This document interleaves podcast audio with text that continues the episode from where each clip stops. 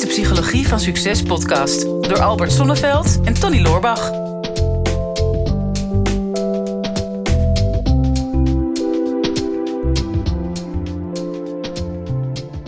Albert, we hebben weer een vraag binnengekregen. Dit is eentje die ons op het lijf geschreven is. Hier kunnen we uren over praten. Vertel, vertel, vertel. We gaan even kijken of we dit 20 minuten kunnen houden. Ik heb een vraag binnengekregen van Pieter. En Pieter die stuurde mij... Uh, Tony, ik heb je laatst horen zeggen dat je jezelf nogal een control freak vindt. Uh, en dat je vroeger veel meer moeite had met loslaten. Hoe doe je dat tegenwoordig? Maar Ja. aangezien ik een groot gedeelte daarvan van jou heb geleerd... is dat een ideale vraag voor ons beiden. Ja, ja inderdaad zeg. Oh, wauw. Ja, controle loslaten. ik, denk, zou, ik zou haast zeggen, wie heeft er geen last van? Nou, ik denk wel dat, dat Pieter en ik wel gewoon samen een uniek gezelschap zijn. Die moeite hebben met controle loslaten. En dat de rest van de wereld daar natuurlijk helemaal geen problemen mee heeft. Nee, nee. Och jee man. Nou ja, dan gaan we maar gelijk springen maar in het diepe. Als we dan toch de controle los moeten laten. Dan, ja, eh, precies. Ja. ja, dus dan maakt het ook niet meer uit hoe lang dit gaat duren. Nee. We laten het helemaal los. We laten het helemaal los. Nou ja, eh, ons kennende, we zullen ons wel weer eh, mooi aan ons format houden. Maar ehm, ja, zeg maar het, het allerdiepste, de, onze, onze diepste angst is verlies. En we willen uiteindelijk niet niks kwijtraken. En nou, dan weet je, hè, je hebt het al vaak over verliesaversie gehad. Ja. En volgens mij ook al in een eerdere podcast. Maar ik kan het niet vaak genoeg benadrukken dat, dat de angst om iets te verliezen. uiteindelijk ook alle conflicten, alle moeilijkheden, alle problemen die we in de wereld hebben. en die we bij onszelf ervaren, of in onze relatie of binnen ons bedrijf. is uiteindelijk weer terug te leiden naar dat verlies. En we willen zo krampachtig vasthouden aan datgene wat we hebben. Eh, en of het nou een, een, een status is, of een ego, of geld, of nou, Mhm. het, het maakt niet uit als we het maar kunnen behouden. En de grote ironie van het leven is dat je uiteindelijk alles weer kwijtraakt. Ja, precies. En misschien wordt deze opmerking niet helemaal in dank afgenomen. En, eh, maar ik bedoel hem echt heel zuiver. Namelijk, je bent al terminaal vanaf je geboorte. Ja, klopt. Dus, dus je, je weet, je, vanaf je geboorte weet je dat je uiteindelijk weer doodgaat. Dat is, dat is een van de constanten die we hebben in het leven. Maar dat kunnen we maar niet accepteren. Als je de hele, de hele botox-wereld ziet en, en alles wat er omheen hangt, eh, dan willen we zo lang mogelijk onze jeugdigheid bewaren. En kunnen we ver- de vergankelijkheid van het leven kunnen we gewoon niet, niet uitstaan. Gewoon. Ja. Nou ja, ehm, en, en uiteindelijk, dat merk je ook bij een bedrijf. Een bedrijf kan alleen maar groeien als je bereid bent om los te laten. Mhm. En, en ondernemers houden heel vaak hun eigen groei tegen, omdat ze de controle willen houden over datgene wat ze, ja, wat ze nu eenmaal bereikt hebben. Eh, Of met een bepaalde karaktereigenschap zijn ze heel ver gekomen. Ehm, en ja, een, een, een nieuwe bedrijfsvorm of een groei van een bedrijf vraagt nu eenmaal om het veranderen van een karakter of het inschakelen van iemand die een ander karakter heeft, waardoor dat je naar het volgende niveau kan brengen, dat bedrijf. Ja. Nou, die, die controle op een of andere manier willen we dan maar niet verliezen. Eh, met alle gevolgen van dien. Want we weten ook dat wat je graag wil hebben. Als je daar te krampachtig in zit, krijg je precies het tegenovergestelde wat je graag wil hebben. Eigenlijk, eigenlijk is dat heel raar. Hè? Het is, eigenlijk is het tegennatuurlijk. Ja, En zijn wij de, de enige eh, soorten op deze planeet eigenlijk die die bezitsvorming hebben. ja, Hè, want net wat je zegt, je bent al terminaal vanaf je geboorte. Dus je hebt geen controle op, op het leven. Hè? Dus jij kiest zelf het moment dat je komt, dat kies je niet. Daar heb je geen Nee. controle op. Nee. En het moment dat je gaat, kies je ook niet. nee. Daar heb je ook geen controle op. En toch hebben we de illusie dat we iets van een, een controle op het leven hebben. En als jij geboren wordt, is in die eerste jaren ken jij bezit helemaal niet. Hè? Je Nee. weet helemaal niet wat, daar heb je geen emotie bij. En op een gegeven moment gebeurt er iets raars. En dat is eigenlijk heel onnatuurlijk. Van we hebben bepaalde dingen vergaard. In het begin eh, speelgoed. Hè? En, en later worden dan aan middelen, hè? zoals geld of zoals een, een huis. Maar Ja. zelfs hele kleine dingen, zoals bijvoorbeeld eh, een volle mailbox. Hè? Ik ben ondernemer en ik heb klantenservice en ik krijg elke dag mails. En dus je vergaart dingen. En in plaats van dat je net zoals de natuur dat gebruikt en, en doorgeeft, hou je dat vast. Dus, dus alles wat je vergaart, dat wil je het liefst bij jezelf houden. Dus je, Ja. je houdt steeds meer in je handen. Tot op het laatste moment dat je er niet meer bent, dan moet je inderdaad alles loslaten. Hmm. En eigenlijk is het heel raar dat we als mensen vaak het idee hebben dat het erom gaat hoeveel we verzamelen in ons leven. En dat op het moment dat we uiteindelijk gaan, hè, of als we op ons sterfbed liggen, dat de optelsom is van hoeveel hebben we vergaard in ons leven? Ja. Terwijl het volgens mij de natuur het bedoeld heeft van hoeveel heb je achtergelaten? Ja, of En- doorgegeven. Doorgegeven, dus Ja. achtergelaten, eh, gebruikt en groter gemaakt of inderdaad weer, weer doorgegeven. En die, die tegennatuurlijke drang, dat is zo moeilijk om daar tegen te vechten, om alles vast te willen houden. Ja. Ja, en misschien is het wel gaaf om eens eh, te beginnen met een aantal signalen van mensen die, eh, die eh, zeg maar een buitensporige controledrang hebben. Want dan Oh, kun je God. sowieso eens met, nu terwijl je luistert, eens gaan kijken of je een beetje aan dat lijstje voldoet. Mhm. En alles gaat natuurlijk weer op een score van 0 tot 10. Maar ehm, wat mij is opgevallen in mijn praktijk van de afgelopen jaren, mensen die een vrij hoge controledrang hadden, die zijn bepaald geen teamplayer. Niet? dus nee. nee, nee. Het wordt een beetje een confronterend stukje voor mij wellicht. Ja, goed. Adem in en adem uit zou ik ja, zeggen. ja, en, eh, ik en ben kijk maar hoe, een reuze teamplayer. je bent geen teamplayer. En bovendien, als je controledrang hebt, dan heb je nogal de neiging om het altijd beter te weten dan de ander. Ja, maar als je, ik zeg te denken tussendoor, als je nou vrouwen bij bosjes versiert, ben je dan ook een teamplayer, of niet? Ja, ja absoluut. Want ik, ik, versier, ik versier ze altijd met meerdere tegelijk. Ja, dus ja, ja. een teamplayer. Nou, waarvan akte? Ik hoop dat je niet te veel vrouwelijke luisteraars hebt. Nee, dat is woordgra- woordgrapjes. Ja, dat vinden ze wel leuk. Ja. Maar goed, geen teamplayer dus. Ehm, je weet het altijd beter. Je bent bang om fouten te maken. Hm. En ehm, nou ja, dat komt toch weer terug bij je opmerking van zojuist. Eh, als je een, een, een, een grote mate van controledrang hebt, dan heb je ook moeite om goede relaties te onderhouden. Oh ja. Dus dat maakt het ook wel duidelijk. Nou ja, als je die eigenschappen hebt, dan weet je al, en iedereen zal zich er wel een beetje in herkennen waarschijnlijk, maar het gaat erom hè, op een schaal van 0 tot 10, als je meer dan 5 scoort op, op die eigenschappen, Mhm. dan weet je al van jezelf dat er dus een, een grote mate van controledrang onder zit. Wat dus uiteindelijk terug te brengen is naar een angst voor verlies. Mhm. En ehm, nou ja, we gaan je dadelijk ook helpen om te vertellen hoe je dat in betere banen kunt leiden voor jezelf. Want uiteindelijk is dat ook de belangrijkste vraag van hoe, hoe ga ik nou eigenlijk met controle om? Want jij weet dat. Want je belooft nu van wij gaan je er straks bij helpen, maar ik heb geen idee. Ja. Nou, inmiddels, denk ik, want jij draait toch ook al een aantal jaren Ja, mee eh, wel, in, ja. in, in businessland. Heb je toch ook wel geleerd eh, hoe je op een andere manier met die angst om kunt gaan. Hè? Want we focussen altijd wel op eh, controledrang, maar het, het is veel interessanter om te kijken hoe kan ik omgaan met die angst en hoe kan ik die uiteindelijk ombouwen naar vertrouwen. Ja. Nou, maar inderdaad niet alleen eh, vanuit ondernemersperspectief. Hè. Ik, ik heb die vraag ook ooit aan jou gesteld. Van, hoe kan ik meer de controle loslaten? En dat was voor mij meer bedoeld om mijn business te laten groeien. Hè. Dus, want ehm, als je wil dat je business groter wordt dan dat jij zelf bent... dan zul je de controle los moeten laten. Want als jij alle controle hebt... dan kan het nooit groter worden dan dat jij bent. Nee. En jij zei toen, je hebt pas controle op het moment dat je het niet meer nodig hebt. Ja, daar heb je toen echt voor vervloekt. Ja, irritant is dat. Je hebt pas controle als je het niet meer nodig hebt. En voor mij was het in eerste instantie heel praktisch hè, om dingen te gaan uitbesteden.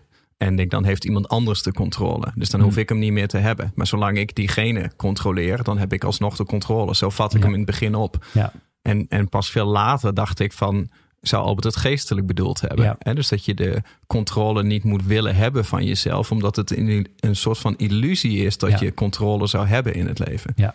Ja. En dat is, misschien, dat is misschien ook wel een beetje een tegenvallend antwoord op de controlevraag van hoe kan ik mijn controle vasthouden? Denk je hebt hem niet Hm. en je gaat hem ook niet krijgen. Nee. Want dat hoort niet bij de natuur. En dat hoort niet bij het leven om overal controle over te hebben. Nee, exact.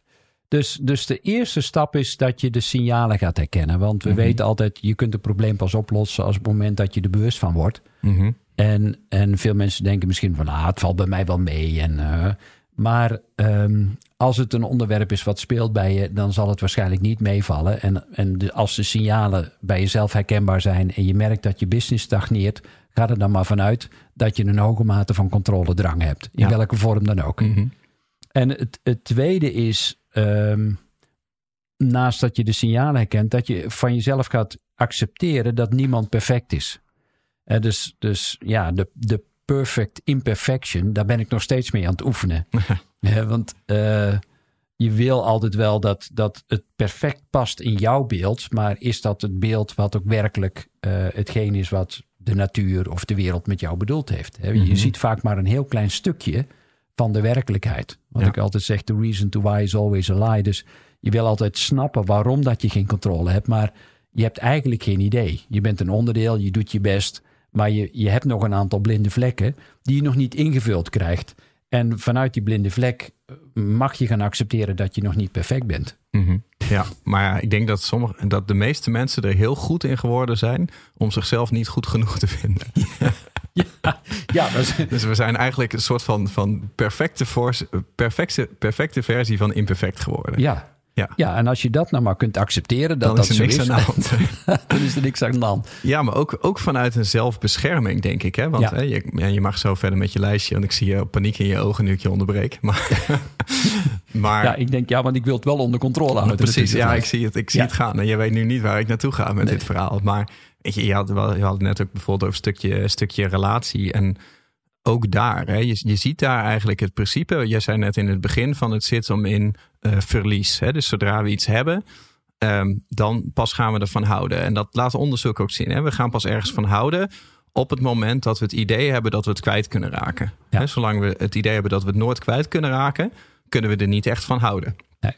En dat, dat werkt in de liefde natuurlijk ook. Hè? Ja. Zodra we er ons best voor moeten doen. En we weten dat het iedere dag voorbij kan zijn. Dat is het moment dat we verliefd worden. Ja. En dat betekent dus eigenlijk dat je, ehm, dat je alleen maar verliefd kan worden als je bereid bent om gekwetst te raken. Ja. Hè? Dus als je weet dat je, dat je het kan gaan verliezen. Alleen ja, een, een, een angst om te verliezen in de liefde bijvoorbeeld, of ook in een persoonlijke relatie, ehm, kan natuurlijk leiden tot een gevoel van bezitsvorming. Mhm. En een gevoel van bezitsvorming kan leiden tot jaloezie. En jaloezie kan leiden tot boosheid. Ja. En boosheid kan weer leiden tot haat. Ja. En haat is bijna een synoniem voor lijden. Dus als je, uit, als je niet uitkijkt, dan betekent liefde eigenlijk altijd lijden. Ja. Dus zodra je jezelf toestaat om ergens van te houden, graaf je eigenlijk je eigen graf. want dan zit er een leidersweg aan te komen. En dat is natuurlijk een beetje wat de, wat de boeddhistische inslag meer tegengaat. Van, hè, het boeddhisme is meer leven zonder verlangens. Ja. Hè, dus dat je akkoord bent met wat is. Dus dan zou je, als je nooit een behoefte hebt eh, of geen bezitsvorming hebt, zou je in principe ook nooit, nooit gaan lijden. Nee. Dus alleen al vanuit een stukje zelfbescherming moet je al leren om het los te laten. Hmm. Anders is het leven altijd lijden. Ja. En, en dat is natuurlijk ook de paradox als je aan het ondernemen bent. Want dan, ja, dan wil je groeien en, en je wil bezit vergaren en allerlei assets. Of het nou gaat over geld of over personeel of over status, wat dan ook. Mhm. Dus weet dat als je gaat ondernemen, dat je, dat je altijd hiermee geconfronteerd wordt. Dat Mhm. je alleen maar kunt groeien op het moment dat je iedere keer weer bereid bent om los te laten. Ja. In de natuur ook. Hè. Er is geen één boom die in de herfst denkt van shit, ik, deze keer verrek ik het. Ik heb geen zin om mijn, je, je, mijn blaadjes los te laten. Nee, dus ik hou ze vast. Ik Ja. hou ze nu vast. Ja. Nee, alleen doordat hij bereid is om ze los te laten, kan hij gewoon in de winter e- eerst stilstaan en in de lente weer doorgroeien. Mhm. En als bedrijf, maar ook als ondernemer, ga je altijd door die cyclus heen.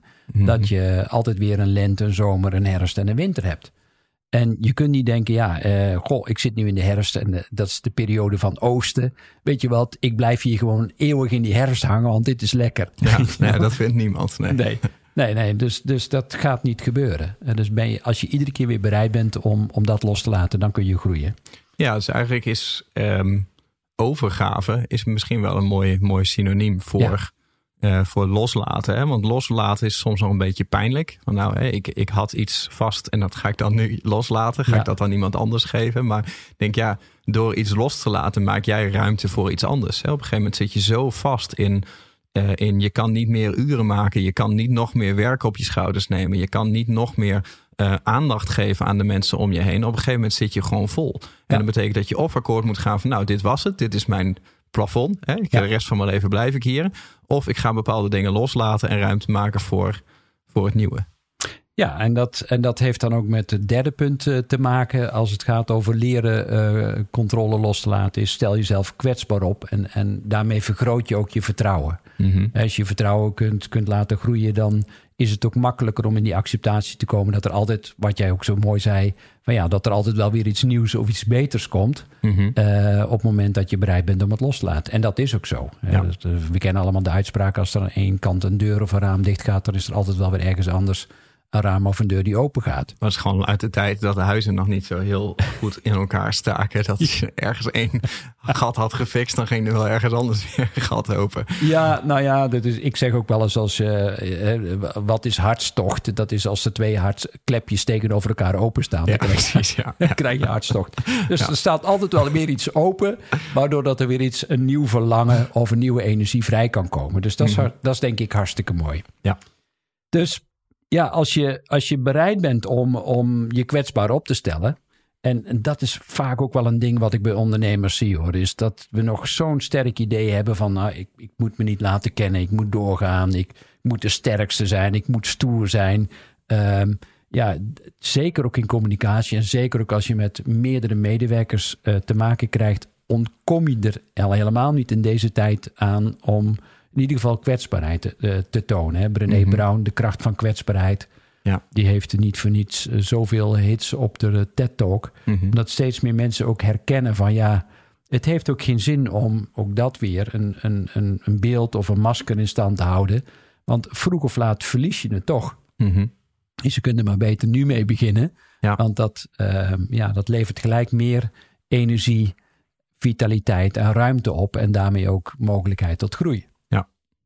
Ja, en het is ehm, denk ik een stukje zelfbescherming loslaten. Ja. Ehm, maar het is ook een stukje groei. Ja. Dus het is een ruimte maken voor iets nieuws. Maar ook, weet je, ik kan me herinneren, ik heb laatst een, eh, een seminar gegeven. En daar heb ik ook een, een afrondende speech gedaan. Dat ging ook over, niet zozeer over loslaten, maar mijn boodschap aan mensen was, eh, deel is wat meer. Want eh, we hadden het al over loslaten gehad. We hadden het al over kwetsbaarheid gehad. En, en ik gaf in die speech gaf ik ook wel aan van... Weet je, we willen alles altijd maar vasthouden en voor onszelf houden. Omdat we misschien bang zijn voor het onbekende. Hè? Of omdat we bang zijn dat we iets kwijtraken of dat we minder worden. En ik merk gewoon van elke keer als ik in mijn leven iets deelde. Dus of dat nou bijvoorbeeld eh, in mijn business was. Hè? Dus ik gaf bijvoorbeeld een, eh, een, eh, een e-book gratis weg in plaats van dat ik het verkocht. Of ik ging al mijn kennis gratis weggeven via blogs of via video's. Of ehm, eh, ik heb inmiddels heb ik, zeven compagnons in mijn verschillende bedrijven. En die zijn allemaal voortgekomen uit het personeelsbestand. Hè? Dus, dus ook om daar dan een stuk van de business aan hun ehm, te geven. En ik merk dat elke keer, dat elke keer als ik iets geef, dat, dat, dat ik daardoor groei. Ja. Dus eigenlijk is loslaten is eigenlijk groeien. Dat is eigenlijk heel raar paradoxaal. Ik laat iets Ja. los en daardoor word ik groter. Ja. In plaats van ik pak iets vast en daardoor word ik groter. En er zijn een heleboel mensen die als ik dat soort dingen deel, die mij dan complimenteren met ja, slim, delen is vermenigvuldigen. Hmm. En ik denk dan altijd van ja, dat is enerzijds goed bedoeld, maar dan zit er weer wat achter. Hè? Want waarom zou je delen met als enige motivatie om te gaan vermenigvuldigen? Waarom zou je niet gewoon delen omdat je genoeg hebt? Ja. Eh, en, en daar zit denk ik een soort van next level Ja. loslaten. Dat je er niet per se iets mee wil, Nee. maar dat je gewoon accepteert dat het leven bedoeld is om dingen door te geven. Nou ja, dat is de perfect, want dat is mijn vierde punt op Nou, het top. lijstje. Ja, dat voelde ik al aan. Ja, kijk naar het grotere plaatje. En dat is precies wat jij zegt. Hè. Op het moment dat je bereid bent om het in een groter perspectief te zetten. En we hebben het over het vijfde punt al gehad. En dat gaat over eh, realiseer dat controle een illusie is. Mhm. Nou ja, ehm, het, het, is, het leven is 10% wat je overkomt en 90% hoe je er hierop reageert. Hè, Ja. Uiteindelijk. Mhm. dus, dus als je dat kunt realiseren dat uiteindelijk alles een illusie is. Misschien zelfs wel deze podcast. Ja, precies. Achteraf bleek ook helemaal geen echte podcast te zijn. dus je wordt straks wakker en denk je, ja, wat was dat nou voor podcast? En dan, ja, het, het laatste op het lijstje wat ik heb als, als tip om anders om te gaan met, eh, met controle is, is dat je, mij helpt het echt om te mediteren. En sommige mensen denken dan van, oh ja, dan moet ik op zo'n kussentje gaan zitten en eh, mantra's gaan zingen en weet ik veel wat. Ieder doet dat op zijn eigen manier. Eh, soms kun je gewoon door even stil te zijn, door te wandelen of misschien gewoon even met je handen bezig te zijn in plaats van met je hoofd. Of even bewust je aandacht even te richten op je ademhaling op het moment dat ik mediteer, dan, dan kom ik in een besef wat wat minder op mezelf gericht is en wat meer gericht is op iets groters. Mhm. En dan, dan richt ik me meer op de stilte tussen mijn gedachten. En dan wordt het automatisch ook rustiger. En dan, het, kijk, wat ik altijd zeg is, ik kan me richten op de wolken als ik kijk naar de lucht, maar ik kan me ook richten op de ruimte tussen de wolken, op de blauwe lucht. Mhm. En met die wolken heb ik altijd een soort associatie, maar dat is daarmee ook gelijk weer de illusie. Hè? Want de een ziet er een, een dier in en de andere ziet er een plant of een boom in als je kijkt naar een wolk. Maar als je kijkt naar de blauwe lucht, daar vind je eigenlijk niks van. Dat, Nee. dat is. Mhm. Nou ja, op het moment dat je meer verbindt met dat is, dan heb je ook niet meer zo de neiging om de controle vast te houden. Nee, dat is misschien nog wel een mooie om eh, mee af te sluiten. En eh, dan gaan we wel door de 20 minuten. Maar eh, ik laat dat maar even los, die harde Ja. deadline. Maar weet je, als je daar nog eens in wil oefenen, dan is het nog eens wel eens leuk om ehm, even naar YouTube te gaan en te gaan zoeken naar, eh, naar Toon Hermans. En dan met name een van zijn laatste interviews die hij heeft gegeven. Volgens mij heet dat een filosofisch gesprek. En dat is een interview vlak voordat hij, voor, vlak voordat hij doodgaat. Ehm, waar het een beetje een terugblik is op zijn leven. En nou heb ik Toon Hermans altijd fantastisch gevonden. En jij volgens mij ook. Ja. En niet alleen als cabaretier, maar ook als, als filosoof en, en als levensbeschouwer. En die interviewer die vraagt hem op een gegeven moment van... nou hè, meneer Hermans, als u nou terugkijkt op uw leven... bent u dan blij met wie u bent geworden? En, en dan raakt hij een beetje geïrriteerd van. Hij zei, ja, ja, weet je, geworden, geworden...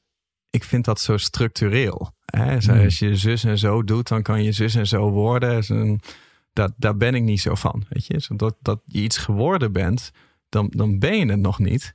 En dat is dan niet, hij vindt dat dan niet wie je bent. Mhm. En hij zei van, het is meer een, een zijnswijze die zich ontvouwt. Ja. Je leven. Hij zei, het is net als een plantje wat uit de grond komt. Hè? Het plantje weet niet dat het uit de grond komt. En de grond weet niet dat een plantje uitkomt. Maar het gebeurt wel.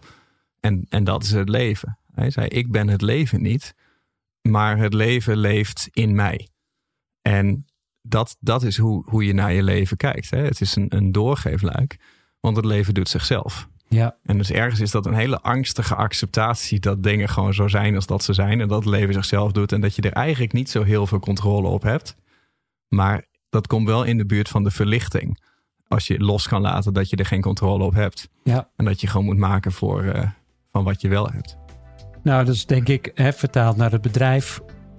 Prachtig hè, dat, je, dat jij het bedrijf niet bent, maar dat het bedrijf eigenlijk door jou komt en, en jij Mhm. door het bedrijf.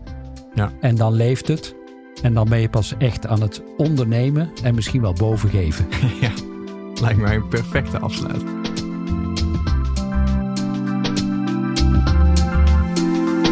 Dit is de Psychologie van Succes podcast door Albert Sonneveld en Tony Loorbach.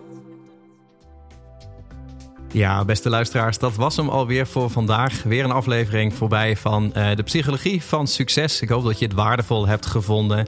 En ehm, wat je ons dat ook zou willen laten weten. Eh, mocht je nog niet geabonneerd zijn op onze podcast, doe dat dan even. En wat we heel erg tof zouden vinden, is als je ook even een review zou willen achterlaten. We vinden het natuurlijk heel leuk om te horen van jou wat je van de podcast vond, welke inzichten je eruit hebt gehaald. En om dat natuurlijk in de review-sectie terug te gaan lezen. Heb je nou een vraag en je zou graag met jouw vraag in de uitzending willen komen? Stel hem dan op eh, de social media. Onze kanalen zijn vooral LinkedIn en natuurlijk Instagram. De beste vragen pakken we eruit en grote kans dat je dan terugkomt in deze podcast.